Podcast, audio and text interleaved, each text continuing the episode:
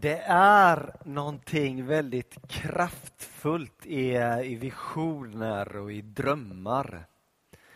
För någonstans så är det ganska ofta visioner och drömmar som sätter oss i rörelse. Alltså vi rör oss emot det som har visat sig i vår, vår inre bild eller vår inre syn. Så det är någonting kraftfullt i det. Och, och när jag drömmer om våran älskade församling, ena kyrkan, så, så drömmer jag om en, jag ser framför mig en stor härlig fruktgård. Du vet med en massa olika frukter, den ena frukten inte är den andra lik och det ska så vara. För då är det så mycket vackrare. Den ena frukten är inte den andra lik, men det är frukt. Och det är härligt att gå i den här trädgården. Det är vad, det är vad jag ser framför mig och det längtar jag efter att få vara en del av ännu mer. Välkommen till fruktgården Ena kyrkan. Va? Du får plocka hur mycket du vill. Fyll din kasse, ta med dig hem, sprid till dina grannar. När jag har drömt om den här gudstjänsten så har jag drömt om en församling som, som, som reser sig och går fram och böjer knä inför korset. Man är så betagen, berusad av Guds kärlek. Det är som om Guds kärlek liksom har, du vet det här ansiktet som ständigt är vänt till dig. Har tagit dig med storm. Så du kommer tårfylld fram till korset och säger tack. Kom, kommer du ihåg, eller hur många här inne har fått vara med om att och föda fram eller resa upp ett barn i sin familj? Kan jag få se hand upp på några stycken? Ni kan ta högre så jag ser ordentligt. Bra, vi är några stycken. Och... Kommer ni ihåg första gången ni höll det där nyfödda knytet i armarna? Man glömmer inte det. Och ni vet ni det där nyfödda knytet som du håller i dina arm som inte kan någonting annat än att äta, skrika och skita. Men du älskade det knytet. Det kan egentligen inte göra någonting åt dig, för dig, men du älskar det. Och jag, jag kan inte släppa den bilden. Jag har delat den så många gånger, men den kommer tillbaka till mig. Tänk att jag kan känna så i min bristfällighet som en mänsklig pappa hur mycket då ska då inte mer Gud i sin fullkomlighet som far känna för sina barn? Oavsett om du bara skriker och skiter och sover.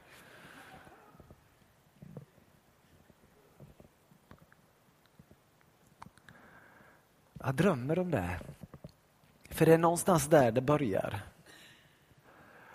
Att han först har älskat oss så kan vi i vår tur älska varandra. Men vad är viktigast, att bli älskad eller att älska? Jag, jag hörde någon som fick den frågan en gång och han bara tittade på den som ställde frågan och sa, hur är det med en fågel? Vilken vinge är viktigast, den högra eller den vänstra? Det är lika viktigt att bli älskad som att få älska. Väldigt svårt att flyga annars.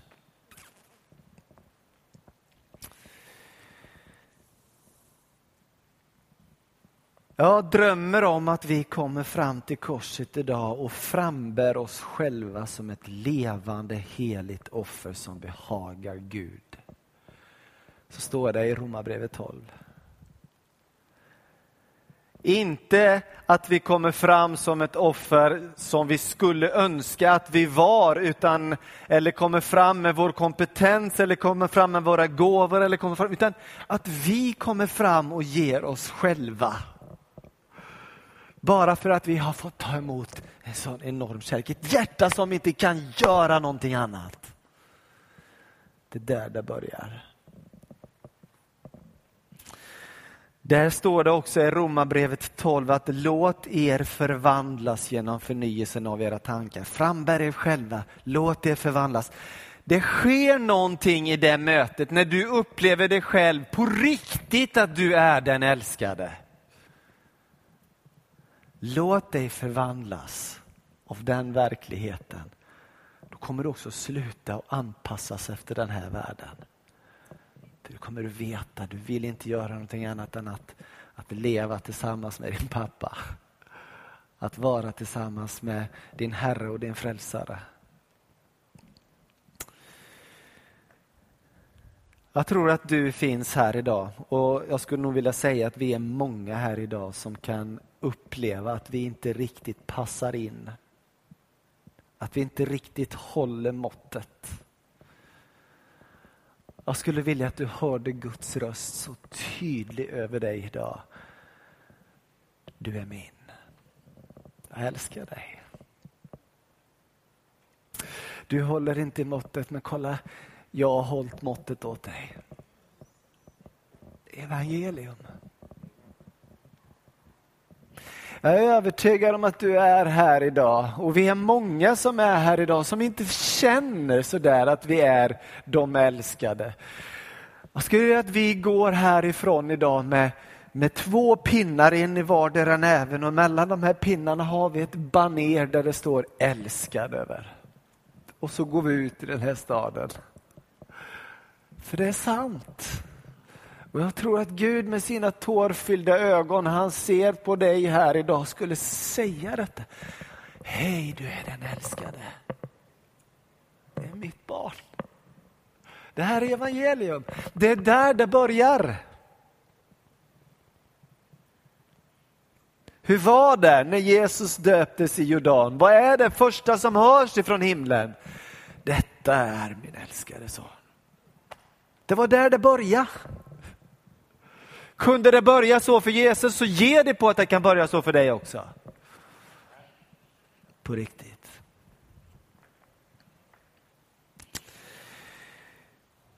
Jag är så glad för evangelium. Jag hade tänkt idag att vi skulle börja med evangelium.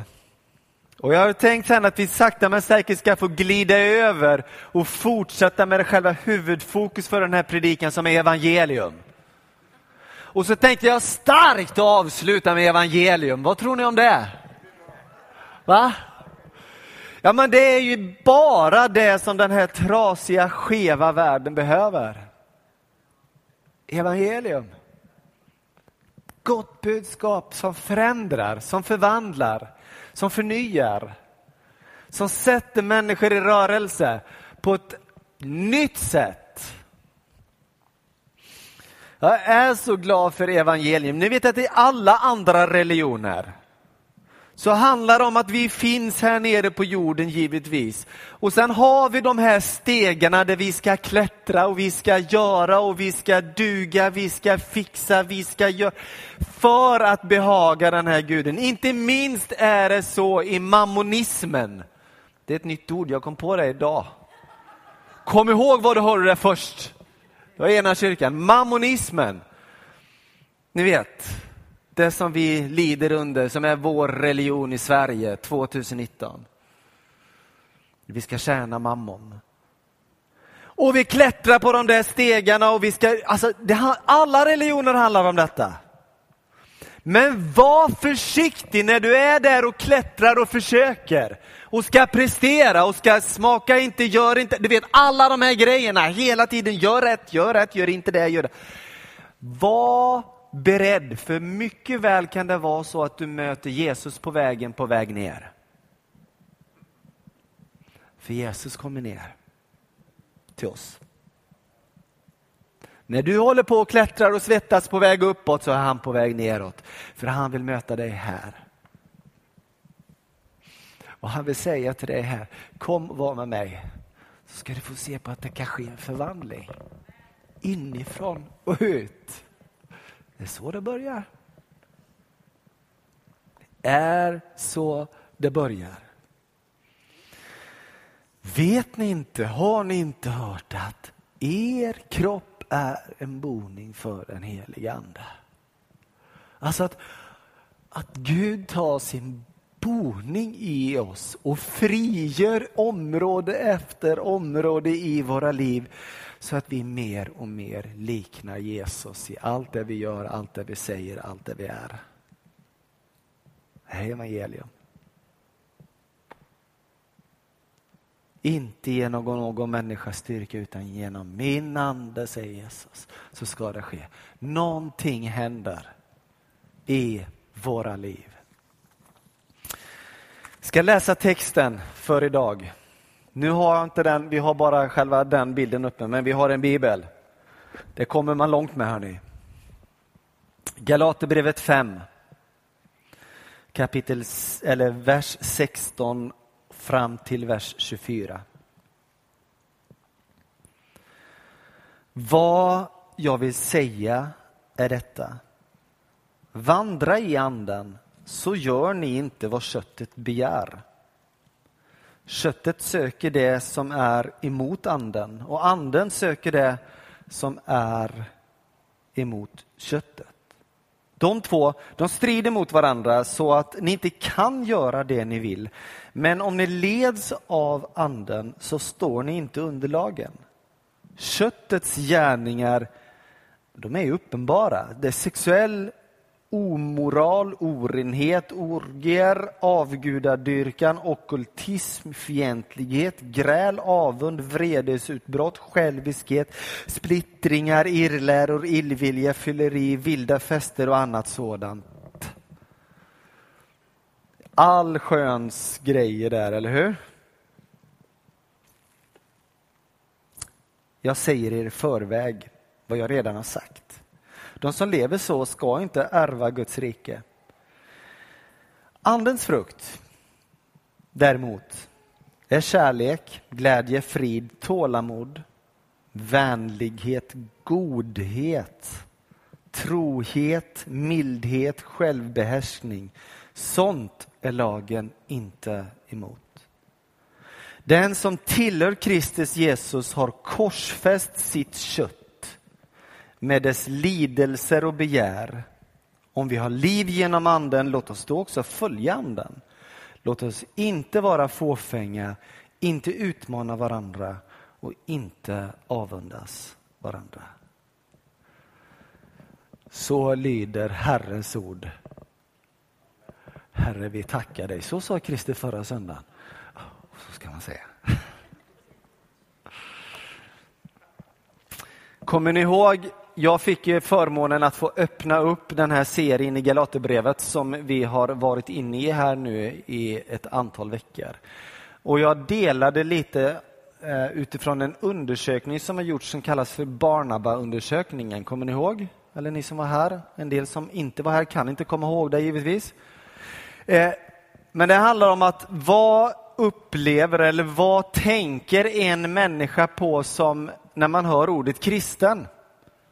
Och frågan var ställd till sådana som inte var kristna. Vad är det första du tänker på när du hör ordet kristen? Och så radar man upp en massa olika saker som kristna är anti emot. Och vi behöver inte gå in på det nu, men en massa olika saker som kristna är anti emot. Och, och det är väl konstigt att inte något av detta som är andens frukter var det som kom fram. Jag tänker så här, jag har, jag har en liten illustration och den här har jag haft här förut. Eh, så en del av er har sett den här illustrationen. Men ni får se den igen. Visst är det bra? Det går i repris i ena kyrkan. Eh, ni andra kanske ser den för första gången, men eftersom det är frukter vi ska tala om idag, det är det vi ska tala om hela tiden idag, så har jag med mig en halv frukt. En apelsin. Eh, och jag tycker det är väldigt härligt liksom, att pressa apelsiner. Det brukar jag göra på det här sättet. Är det någon som har gjort så här förut? Ja, man trycker lite här och så kommer en massa apelsinsaft ut i den här apelsinen. Så där, helst skulle jag vilja ha typ fem apelsiner för då blir det liksom ett stort glas och så i med några isbitar så blir det helt magiskt. Eh, ah, lägg upp en så här. Och så här kan jag hälla i det här i ett glas. Det, det blev ju inte alls mycket. Men kan ni gissa vad det här smakar? Det smakar apelsin. Hade inte du blivit jätteöverraskad om det smakat citron? Eller hade du inte blivit helt, helt, oh, om det hade smakat päron? När du har pressat en apelsin. Frågan är, när du, när du pressar en kristen likadant, skulle inte du bli väldigt förvånad om det kommer ut någonting annat än Kristus? Eller? Och vad handlar det om? Jo, de här frukterna vi läste alldeles nyss. Glädje, frid, tålamod, uthållighet, godhet, mildhet, trohet. Var det något mer? Ja, typ de. Det är inte så svårt att förstå det Paulus skriver här. Vi behöver inte försöka krångla till evangelium. Det är ganska glasklart. Eller hur? Han lyfter upp två motsatspar, kött och ande. Och det köttet för med sig, det läste vi, det är inte svårt att göra. Alltså när du tittar på ditt egna liv, det är inte så svårt att göra det här valet, eller? Väljer du köttet eller väljer du anden? Alltså jag tror inte att det finns en enda människa på den här jorden som med sin vilja skulle välja köttet. Om man fick välja mellan dessa två. Eh, det finns ju en del som säger vi kan inte bara predika nåd därför att då kommer det leda till att människor gör som de vill. Men det är ju inte, all, inte alls det som Paulus säger här utan han visar ju på att det här är av köttet och det är ingenting som vi eftersträvar. Det är ganska tydligt, eller hur? Men det finns ett annat liv där vi kan vandra i anden. Eh, det finns någonting som kallas för det gamla och det nya och jag tycker det är så härligt att det handlar i det nya om frukter, en organisk bild. Alltså det är någonting som mognar fram i en människa.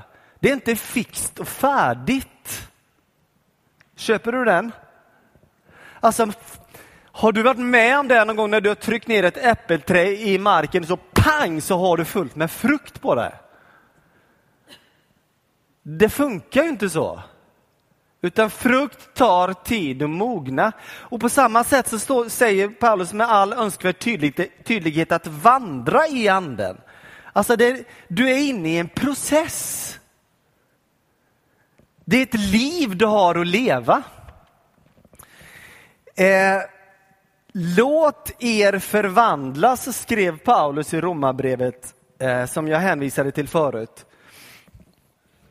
Jag älskar de här organiska bilderna. Jag älskar den här bilden som vi har. Eller om vi säger så här. Ordet förvandlas som Paulus använder vid ett antal tillfällen, både i Romarbrevet och andra brev också, kommer ifrån det grekiska ordet. Nu blir vi lite teologiska här, är ni med? Kommer från ordet metamorfos. Säg efter mig, metamorfos. Bra där! Det är samma ord som är hämtat, eller man skulle kunna säga att Paulus har hämtat det här ordet ifrån biologins värld. Ordet är en beskrivning på vad som händer när en larv går in i en puppa och blir en fjäril. Det är själva grunden av metamorfos. Larv, puppa, fjäril. Och märker att förändringen mellan en larv och en fjäril är total. Den är radikal. Den är så annorlunda. Hur kunde den där larven helt plötsligt bli den här fjärilen med de här färgsprakande vingarna och hela kittet? Märk också att den här fjärilen behöver sin process. Den blir inte larv, fjäril på en gång. Han behöver vara i sin puppa. Grejen är den att när larven, eller larven börjar den här metamorfosen inne i puppan så börjar den utveckla del efter del i sin kropp. Och skulle vi vara där och börja pilla på den där puppan och hjälpa den här puppan när vi märker att, att nu börjar fjärilen vilja komma ut ur den här puppan, så skulle vi antagligen döda den där fjärilen. För fjärilen behöver lösa upp sin puppa själv. På det sättet så övar de rätt muskler i rätt tid för att kunna flyga direkt när, de, när puppan är borta. Alltså det här är ren biologi, så här funkar det. Frågan är här, när vi kommer till människor med ett gott hjärta, ett gott uppsåt och försöker hjälpa till. Man gör så här, lev så, gör inte det utan gör det här. Låt det ha sin tid hos människor. Sätt tilltro till att evangelium verkar. Sätt tilltro att den heliga ande kan göra saker i en puppa. Sätt tilltro att Gud vet vad han gör. Sätt tilltro till den heliga ande som uppväckte Jesus från de döda.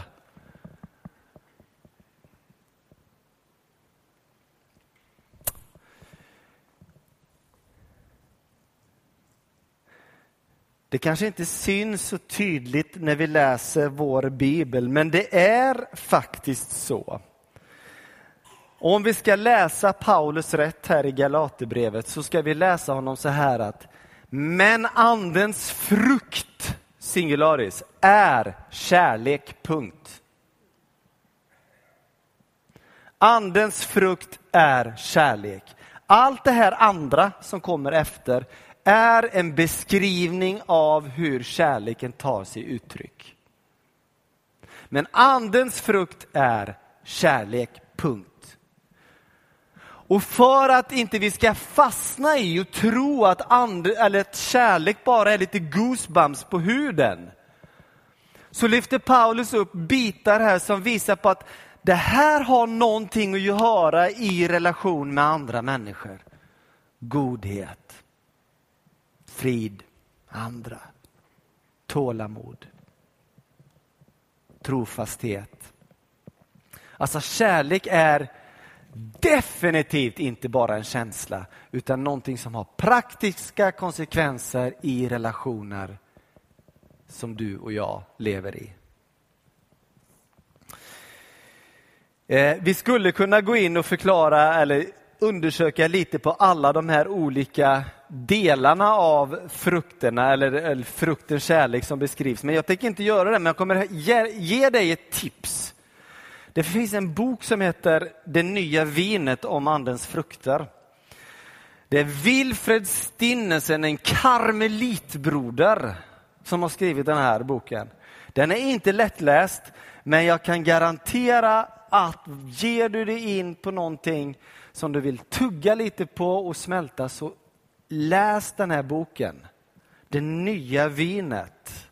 Wilfred Stinsen finns på Libris och Artos förlag. Eh, jag, jag tror ibland att vi behöver inte bara ta det lättsmälta utan vi behöver ibland liksom chew a little bit. Du vet, tugga lite. Och våga brottas lite med saker som kristna har gjort i alla tider ett tips. Men jag ska inte fastna i den, utan nu ska vi gå vidare med, med predikan. Jag tror att vi lever i en kultur där allt ska gå väldigt fort. Håller du med om det? Extremt fort. Jag blev varse om det på ett väldigt konstigt sätt för typ är det tio år sedan kanske, ännu mer. Så gick familjen McCahan i repris. Är det någon som har sett familjen McCahan? Ja. Jag såg det första gången när det gick, var det, kan det, var det början på 80-talet eller slutet på 70-talet? Något sånt där. Var som fastklistrad. Såg Seb McKayen och Luke och Josh och alla vad de hette, kommer ni ihåg? Ja. Det var så bra! Och så såg jag reprisen som gick för kanske tio år sedan. Det var så långsamt. Hände ju ingenting. Och det var som man ville dra ut handlingen. Vad säger det? Har det skett någon slags förändring i mitt liv, i mitt sätt att se på tillvaron? Är jag ett, är jag ett barn av min egen kultur där allt ska ske så fort? Så vi har inte tid. Jag tänker bara på detta vårt eviga utvärderande. Jag förstår tanken, men vi ska utvärdera allting och det ska vi göra direkt efter vi har varit på någonting. Hur ska jag kunna utvärdera vad jag har varit på nu här på Guds... Alltså, det händer någonting över tid. Hur ska jag kunna utvärdera det? Låt det ta tid.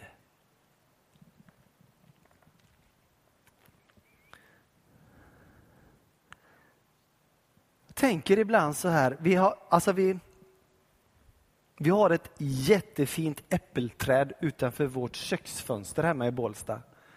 Förra året ni skulle sett det här trädet. Det bara digna av frukt. Det var så mycket äpplen. Jag var ute varje dag och plockade äpplen och så körde jag i våran råsaftcentrifug och det var bättre än apelsinen. Alltså det var så goda äpplen att dricka. Varenda dag. Och jag såg med spänning fram emot den här hösten. Yes, nu kommer du dricka äppeljuice här liksom, så det bara står härliga till. Knappt ett äpple på det där trädet. Ett par, tre stycken kanske, är jag överdriver. Men alltså, du vet, det var som man såg inga äpplen på det där trädet. Skulle jag utvärderat det där äppelträdet efter den här hösten hade jag sagt, det är ingen idé att ha kvar det här trädet. Det är lika bra att kasta bort det här, saga ner det, sätta ett nytt träd. Men nu vet jag vad det här trädet har gett säsongen förut och jag, jag anar vad det kanske kommer att ge nästa säsong.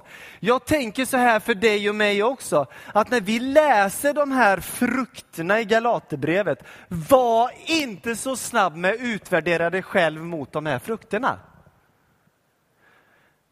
Det kan faktiskt vara så att vi lever också i olika säsonger.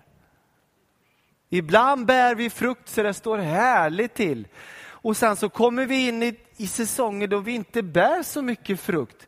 Och så kommer en frustration inom oss för vi, när vi stämmer av med de här orden som finns i Galaterbrevet 5 så märker vi att det är ett jätteglapp här. Jag bär ingen frukt. Slappna av och lita på att evangeliet gör skillnad i ditt liv. Kommer att göra skillnad i ditt liv. Lita på den helige Ande. Det kan vara bra att stämma av mot Andens frukt, kärlek som tar sig de här olika uttrycken och ta med det i bön, men inte för att stressa upp dig. Usch, jag bär ingen frukt, det händer ingenting. Slappna av. Lita på att frukten kommer. Lita på att den kommer. Eh, skulle önska att vi inte tänkte så binärt när vi, när vi ser på våra liv och ska stämma av det med frukterna att det är av och på. Vi är inga maskiner. Det, det, handlar om organismer. Vi är inne i ett flöde. Vi vandrar i anden. Och Det är olika tider i livet. Vi är mer av ett äppelträd än av en, än av en maskin som funkar på ettor och nollor. Är du med? Så var försiktig när du försöker utvärdera dig själv. Lita på att Gud har dig i sin hand. Eh, jag skulle vilja ta ytterligare, ja vi hinner, vi har hela eftermiddagen på oss. Matteus 13. Det är också en, här, en sån här skön organisk bild. Det handlar om såningsmannen vet ni. Ni vet han som sår. Jesus berättar en liknelse om en såningsman. Eh, så här är det med Guds rike. Alltså det sås ut till människor. Och det beskrivs att en del föll på vägkanten och det kom fåglar och åt upp de här och så det blev ingenting av det som såddes. En del föds på föll i steniga ställen. Sen kom solen upp och det sveddes och det blev ingenting av det. En del föll bland tistlar och det slog rot, men sen så bredde tistlarna ut sig och kvävde det som hade såtts. Och så var det en del som föll i god jord. Och Jesus beskriver sen att det som föll i god jord gav skörd hundrafalt, sextiofalt och trettiofalt.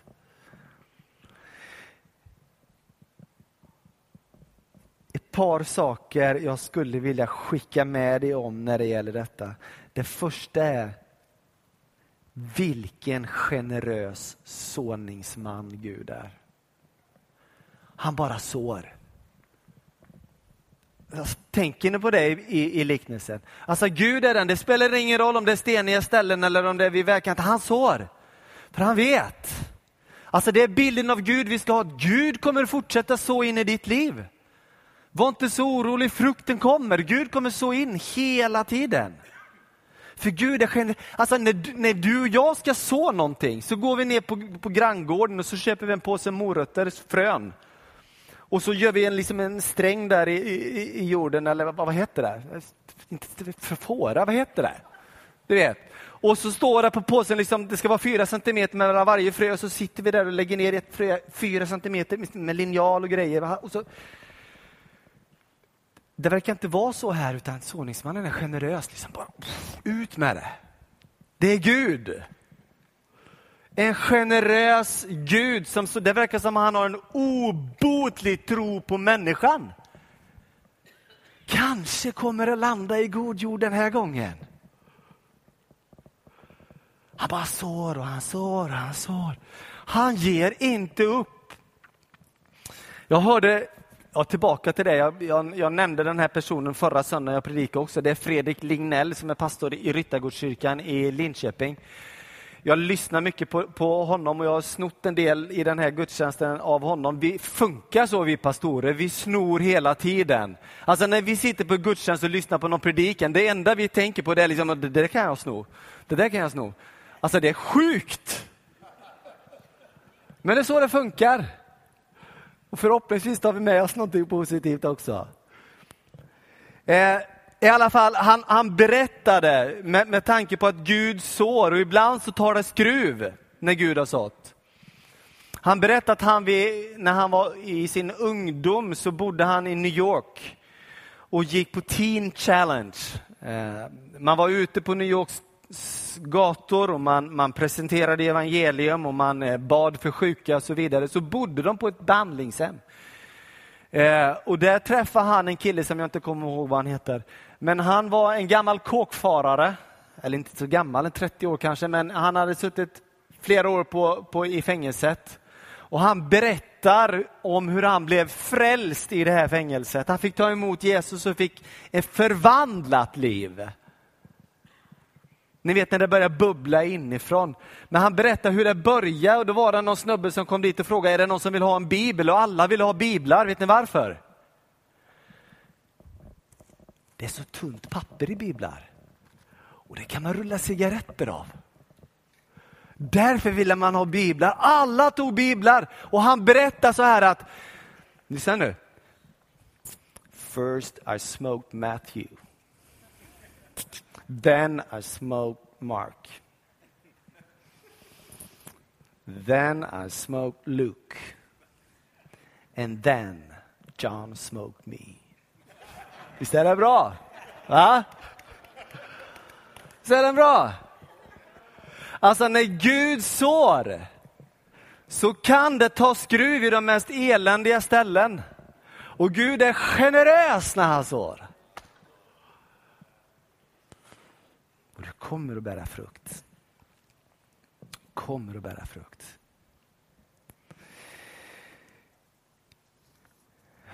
Jag tycker också, bara, alltså det är bara som en liten sidogrej, alltså en skörd som ger hundrafalt, sextiofalt och trettiofalt. Alltså, det finns sådana som är mycket vassare på det än vad jag är här. Alltså, vad är en bra skörd? Alltså, man tänker utsäde och, och inkomst. Alltså, vad är en bra skörd? Vad är bra att få tillbaka? 10 gånger skörden? 20 gånger skörden? Eller? Det är bra. 100? Men alltså hundra, det, det, är en himmelsk skörd. Alltså den bonde som går ut och får hundra tillbaks på det han har sått, tror jag är en ganska salig bonde. Jag gissar bara nu, jag kan jag vet inte vad jag pratar om. Men det låter bra. Eh, hur som, vi måste ta en organisk bild till. Johannes evangelium. Kapitel, kapitel 14, 15. Och ni kan nog gissa vad det är. Förbli i mig, säger Jesus, så förblir jag i er. Liksom grenen inte kan, vad då? Bära frukt av sig själv. Hörru? Du kan som gren inte bära frukt av dig själv. Men om, om den inte förblir i vinstocken så kan inte heller ni det om ni inte förblir i mig. Jag är vinstocken, ni är grenarna. Om någon förblir i mig och jag honom så bär han rik frukt. Utan mig kan ni ingenting göra. Alltså Jesus är glasklar. Och du vet, tänk dig själv som en gren. Så här.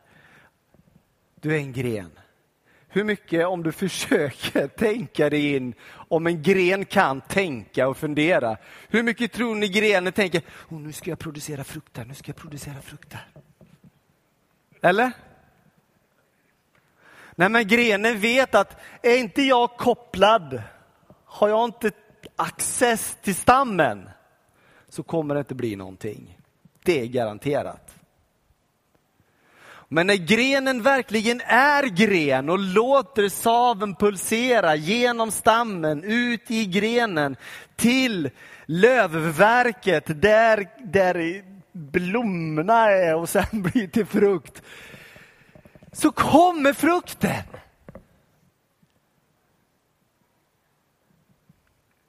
För mig är det här evangelium. Alltså det handlar inte om vad du och jag kan göra. Det handlar inte om din och min förmåga. Det handlar om att det är någon som har gjort allt och som säger jag älskar dig.